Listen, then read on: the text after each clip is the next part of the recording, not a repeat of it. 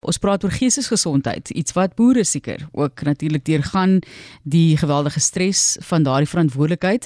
Maar ons praat met Iwer Swarts en ons praat ook oor vanjaar se vleerfees en sy betrokkeheid daarbey. Iwer, baie welkom by Stig. Hallo, hallo Martie, dankie dat ek hier saam met jou kan gesels. Jy het nou al 'n paar boeke geskryf, byvoorbeeld Die verlore seun van die Gachi, Kies die lewe, leer dans in depressie. En ek wil vir jou eerstens net vra gee vir luisteraars 'n idee van jou eie pad met geestesgesondheid. Ja, ja, ek my my pad met dit kom al baie jare aan. Ek het ek het ontdek ehm um, ek sukkel met veral met erge depressie terwyl ek nog in die gevangenis was as 'n as 'n tiener, as 'n tiener. Maar net van weer die trauma en goed wat ek deurgemaak het as 'n kind en en ek onthou ek vele kere ehm um, net wou uh, slaappille drink om nooit weer wakker te word en ek het nooit taal gehad vir wat in my binneste woed. Dit is jare later het ek besef dit is depressie, die die die selfdoodgedagtes wat in my gespook het. Ek onthou 29 Julie 2013 het ek 'n selfdoodbrief geskryf wat my laaste sou wees en ek kon nie verstaan hoekom ek so eintlik so 'n positiewe persoon ek is 'n ekstrovert en en ek kon nie verstaan hoekom voel ek net party oggende vir weke aan een net asof die lewe geen sin en doel en rede het nie en dit is nadat ek met um um so kundige pad gestap het met beraders se pad gestap het wat ek tot die aanvaarding gekom het dat ek ek mag dalk ek mag dalk erge depressie het en dat dit dalk dat dit dat dit dalk my lewe lank saam met my gaan wees maar dit is nie my identiteit sal wees. Ek kan nog steeds my ekstrovertiese self wees saam met die lewe met depressie. Iwer een van die groot uitdagings as dit kom by geestesgesondheid is natuurlik toegang tot hulp. Want daar is so baie stigma so of jy het nie toegang finansiëel en so nie of jy is so bang om 'n psigiater of sielkundige op te soek of 'n beraader net of jy 'n bietjie te help. Jy het nou verwys byvoorbeeld daarna op die ouderdom van 15 het jy die mekaar geraak met die verkeerde goed dwelms en en bendes en daai tipe van ding. So op op watter manier kon jy toe nou toegang kry tot hulp? So jy sê jy is toe nou geholpe. Uh maar hoe het dit gewerk? Deur watter stelsel ja, moes jy gaan? Dit was dit was dit was 'n uitdaging geweest want jy's omdat omdat ek ek het tot bekering gekom in in die in die in die denominasie en en geestelike oortuiging wat ek by spiritualiteitsoortuiging wat ek daai tyd betrokke was was die was as jy aan enige geestesgesondheids ehm um, um, struggle deurgaan is dit ek het toegeskryf aan 'n demoniese aanval. So jy kon nooit eerlik wees dat jy sê ek is 'n Christen en ek het 'n donker wilde blou wat my beetpad wat wat ek nie kan verklaar nie. En so en so die stigma vanuit die geloofsplekke uit het my baie uh, in stilte laat wegkry maar ek ek het een oggend my beste vriend op die stadium se maat aan die A3 Wiem van Benoni gebel en het gesê tannie ek ek kort hulp. Ek ek kan ek kan net nie meer ek kan net nie meer so aangaan nie. Ek het ook die South African Depression Anxiety Group um, gebel en ek het daar met 'n random um, 'n vreemdeling gesels oor wat ek deurgaan. En so stelselmatig het ek besef ek is nie alleen nie ek is nie alleen nie. Daar's miljoene mense wat met dit worstel um, en steeds in ons um geloofskringe, kerke, Afrikaanssprekende kringe is dit iets wat mense nie sommer oor oor praat en dit is juist hoekom ek die kies die lewe boek ook geskryf het en betrokke geraak het by verskillende aksies in in in skole met jong mense met tieners om te praat oor die eerlikste gevoelens wat in hulle binneste woed want om hulp te soek dis my dis al my tagline om hulp te soek is nie 'n teken van swakheid nie dis 'n teken van wysheid dis 'n teken dat jy omgee oor jou toekoms storie Iwe Swart wat met soveel passie praat oor sy eie pad met depressie en vandag hy het nou 'n bietjie daarop gesin speel. Hy besoek verskeie skole. Hy het nou al hier staan nou die inligting ek het 50 skole, maar ek is seker dit het ook nou al vermeerder sedertdien, maar gaan na skole toe praat met mense daar. Op daai noot, Iwe wil ek ook die statistiek deel. En dit kom daar van die mense wat die Vleerfees, die Cape Town Kite Festival elke jaar deel. Dis die 29ste jaar wat hulle hierdie fees na jou toe bring. Uh dit is nou die Kaap gebaseer, maar ons kyk hier na 'n wyeer konsep en dit is om die stigma af te breek.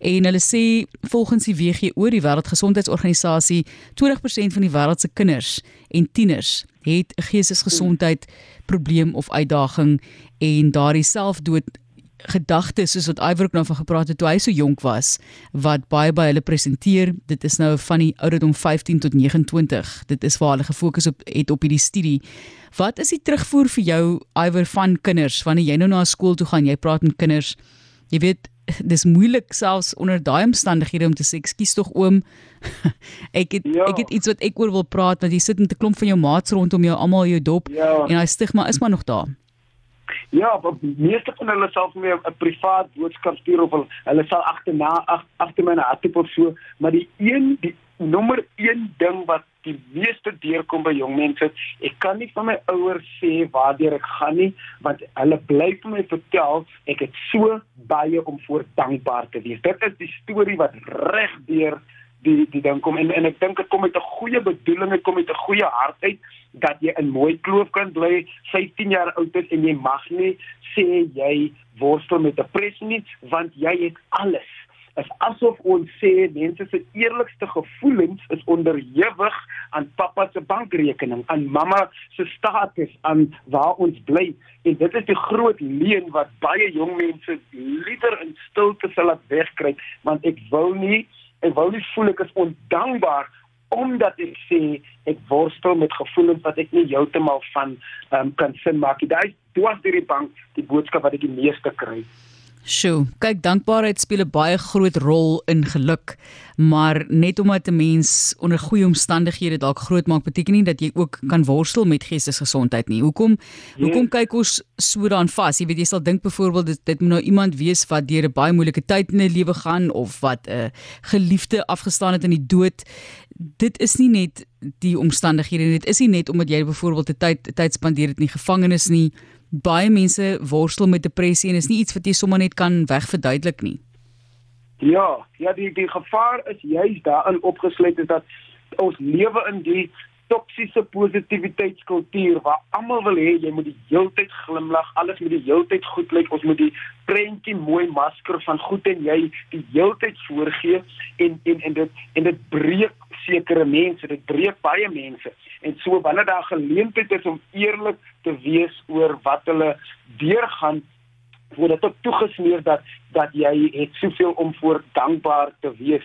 Ek verstaan dat mense baie het om voor dankbaar te wees, maar maar wat in jou kop inkom of hoe jy hoe jy deur die lewe beweeg het of hoe 'n maatjie jou sleg gesê het of hoe iemand um deur 'n egskeiding gegaan het, daai goed gaan sit op plekke. Ek noem dit in in 'n gedig van my, alles wat in 'n mens se kop spoel word aan jou lyf gevoel. En so die goed het 'n uitwerking op mekaar en en dit vra nie 'n vakansie oor see nie. Jy kan 'n vakansie oor see gaan, dankbaar wees daarvoor, terugkom en steeds in 'n diepe doelloosheid. Ek het geen rede, ek voel soos 'n wasted echo. Ek voel niemand gaan my mis as ek as ek nie meer hier is nie. Dit gaan daaroor dat ons mense, veral jong mense, meer connected kry, verbind kry aan gesonde verhoudings, gesonde lewensritmes, slaap. Daai tipe goede speel 'n groter rol as die as die wat jy het en en die goed waarvoor jy moet dankbaar wees. Jou nommer 1 raad Iwer, kom ons kyk na kinders maar mense in die algemeen. Jy het gesê 'n mens moet gaan hulp soek. Jy moet sê ek kan nie meer nie. Jy moet sê ek het iemand nodig om my te help. Maar brei vir ons bietjie uit, wat is die wat is die hoofraad wat jy altyd gee? Die die hoofding wat ek vir mense sê is dat depressie is nie enige enige geestesgesondheidsworsteling wat jy gaan. Dit is nie 'n uh, bestemming nie. Dit is nie 'n destination nie. Dis iets wat met jou gebeur, iets wat binne in jou gebeur, maar dis nie jou identiteit nie. Baie van baie mense koppel dit aan hulle identiteit en sê die raad wat ek vir mense gee is dat jy kan nog steeds 'n vol lewe leef met depressie. Ek moes uitvind wat beteken dit vir my om 'n vol lewe te leef. Ek moet 3 tot 4 keer 'n week moet ek gaan draf. Ek moet een keer 'n week met 'n vriend of iemand gesels, 'n bier drink of twee biere drink. Ek moet kan ek moet kan ontlaai, ek moet kan praat, eerlike spasies van behoort vir my skep ek moet kan 'n uh, geestelike beraader of 'n sielkundige gaan sien. Ek moet kan mense toelaat om om wanneer ek wanneer ek te ver van my social media, ek lanklaas iets op my sosiale media gesien, dan weet hulle ek is besig om myself te ontkoppel. So dalk is daar iets fout. Ek moet toelaat dat ek daai stelsel in plek sit vir die donker dae. En mense dink altyd wanneer dit goed gaan, hoef hulle nie daai stelsels in plek te sit, daai ondersteuningsnetwerke in plek te sit nie. Maar dit is juist wanneer wanneer dit goed gaan, wanneer jy deur dag kan optree om te sê wanneer die donker dae nou weer kom, nou weet ek ek het vir Sunny wat ek kan bel, ek het vir Pietie wat ek kan vra vir 'n koffie, ek het my joernaal waarin ek kan skryf um, ek het 'n klop goedes in plek vir wanneer die donker dae kom. Ja, dit is interessant dat jy nou verwys na sosiale media iwer. Jy weet iemand sal vir my sê, "Ag, ek hoef nie vir jou te vra hoe dit gaan nie. Ek weet hoe dit gaan. Ek kan sien op sosiale media dit gaan baie goed met jou." Dan dink ek myself, jy weet die feit dat ons regtig dink dit is hoe dit werk, is my baie baie snaaks.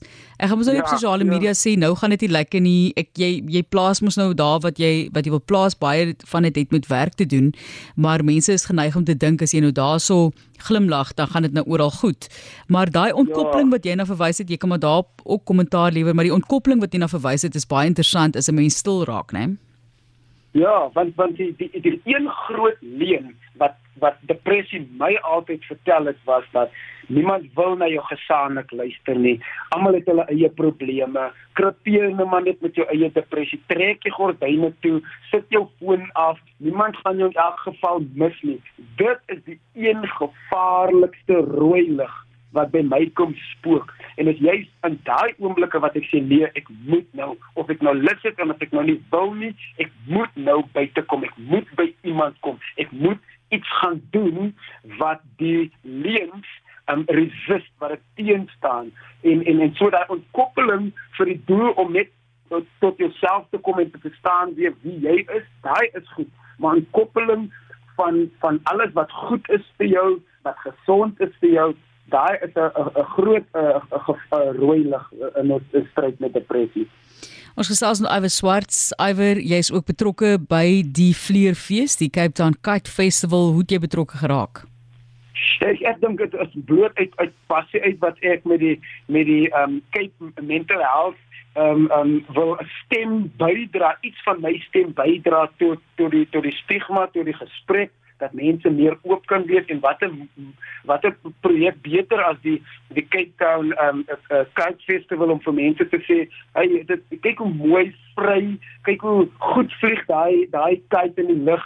Jy is ook gemaak om so te sweef. Jy's nie gemaak eintlik om so swaar gewig saam met jou te dra nie so ek dink die twee die kyk um, um mental health in in die die die die Kite Festival is 'n goeie manier om mense bewus te maak dat ons dat ons eintlik ligte wese moet wees deur die lewe. Wanneer jy swaar voel, is daar mense wat jou kan ophelp, daar's organisasies waar jy kan gaan aansoek doen voor daar's organisasies waar jy gratis hulp kan kry. Daar's bewusmakings, uh, geldtogte wat gratis is. Jy moet net die moeite ook doen om om te gaan soek en in te in te gaan skakel. Dit is interessant dat jy dit nou so stel want ons praat jaarliks oor die vleerfees en dan dink ek jy weet dit is altyd interessant dat hulle hierdie medium gebruik het om 'n fokus te plaas op geestesgesondheid en dink ek die kite festival die vleerfees dis baie mooi simboliek wat jy nou vir ons uitgewys het dat jy ook lig kan voel en dat dit ja. mense nie wil moet toelaat dat die wêreld se swaarte vir jou aftrek nie gaan jy by die vleerfees wees Onge, ongelukkig nie ongelukkig ek is by ek is by 'n onderwysers uh uh teachers motivation dag ook in die Kaap maar ek is ek ek gaan nie by die fees wees nie. Is besig, jy's 'n besige man. Iwer baie dankie. Ja, ons ons sê vir jou dankie vir die insig wat jy vir ons vandag gegee het. Die, die feit dat jy vrylik en openlik jou ervaring met die wêreld deel en sterkte met daai werk. Baie baie dankie Marcelisa. Sterkte vir jou vir jou ook daar. Baie dankie. Dis Iwer Swarts. Hy's 'n outeur onder andere en het ook 'n TV-program en al die tipe van goed waar daar gefokus word op geestesgesondheid. So so belangrik en soos ek gesê het, skrywer van onder andere Kiesie Lewe leer dans in depressie. Die Vleerfees is die 29ste Oktober so te loops en die tema is The Sky is Your Canvas. En alles is ten bate van Kaapstad se geestesgesondheid Cape Mental Health soos dit bekend staan maar um, ek dink dit is definitief 'n weier saak. As mense wat van oorsee af kom om deel te neem aan hierdie fees buitelanders wat gereeld kom. So baie baie dankie vir die werk wat hulle doen om die fokus daarop te plaas